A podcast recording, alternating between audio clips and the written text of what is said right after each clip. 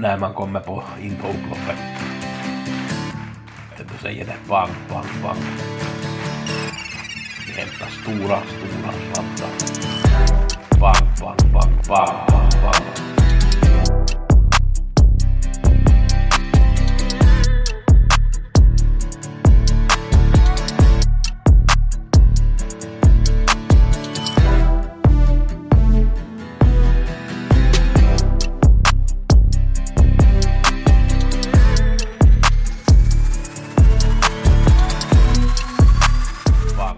Vi har Gusse med veckopodden. Vi ska blicka framåt lite mot veckans tips. Det blir på onsdag V86 och det är ju jackpot som vi har och loppen körs på Solvalla och Jägersro och vi har 19 miljoners jackpot. Det blev ju jackpot från förra onsdagen när åtta rätt gav lite under 500 kronor. Det blev dubbel, dubbel jackpot både på 7 och 6 Jag har en idé som jag ska gå igenom till V86 på onsdag, men vi ska återkomma till den. Och så har vi också på lördag har vi jackpot i Axevalla och loppet så intressant ut. Jag ska gå igenom lite de här loppen. Vi har ju inte fått startlistorna någonting ännu när jag gör den här podden.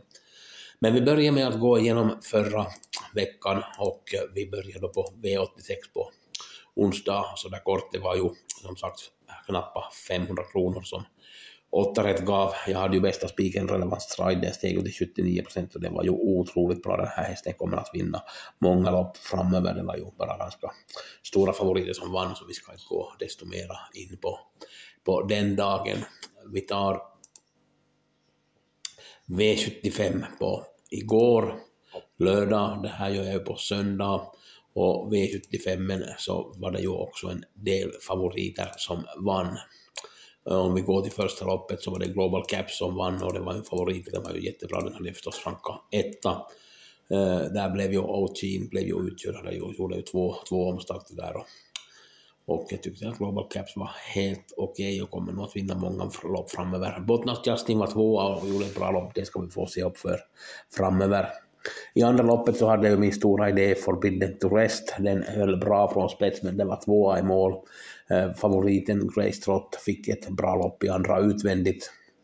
Och trean att de bet som gick i tredje spår men den galopperade som slagen och skulle den kunna, kunna hålla, hålla, hålla lite farten så skulle kanske Grace Trott ha fått sitta fast men Grace Trott vann ju ganska enkelt det här loppet, favorit till 47 procent.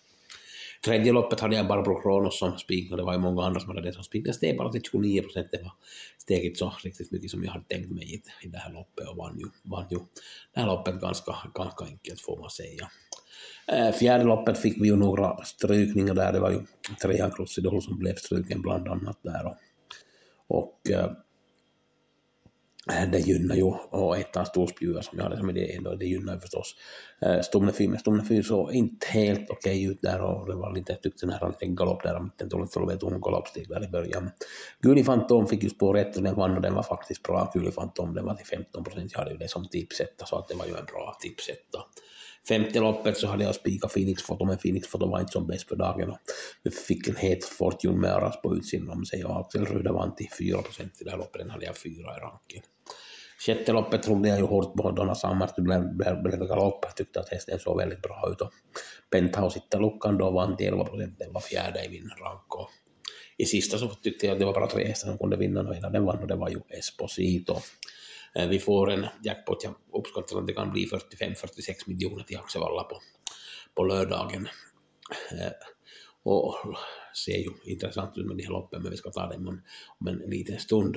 Vi ska ta det som kommer först så har vi ju på tisdag som jag tycker att jag har en idé till V64 på Eskilstuna i tredje loppet. Den här nummer 10 Karadja var ju ut på nyårsafton på Axevalla. Den här har gått 16 gånger med skor och vunnit tre gånger och den hade spår 5 på Axevalla och man gick första 500 på 9. Det var Jarts D som tog spets där och man varvade på 12 och jag tyckte att Eh, Karadja avslutade bra när man inte lockade där en 300 före mål, när man sexa i mål på 12 och 6. Det, det, den gick sista 500 på 11, men Karadja gick nog betydligt snabbare där. Jag tyckte att det gick strax under 10 där, någon, någon, någon 100 meter där under de här, bland de sista 500. Och, och eh, sista, sista 200 gick den på 10,5 där, så att det var en väldigt bra avslutning från Karadja. Lyckas den få någorlunda lopp så tycker jag att den ska vinna det här loppet.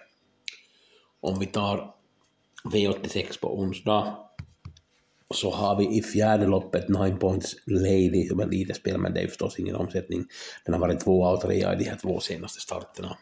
På Romme, sjätte i första, så förlorade den mot en bra häst som kördes av Mats Edjuse, Neptus Boko. Och Nine Points Lady var tvåa, det var Westholm som körde då.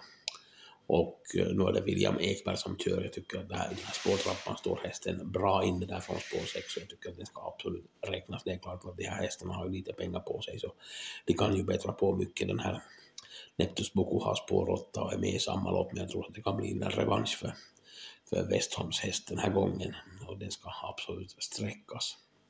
Eh, Axevalla lördag V75 gulddivisionen hade vi ett lopp på 16.40 och, och det är tio hästar som ska vara med i loppet och vi hade ett voltlopp där, va?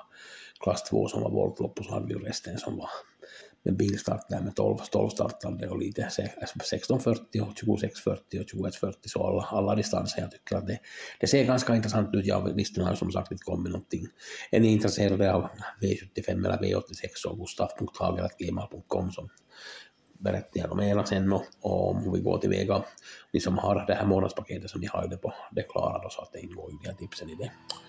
Det var nog allting från min sida. Jag önskar er lycka till med spelet och ha en riktigt bra vecka.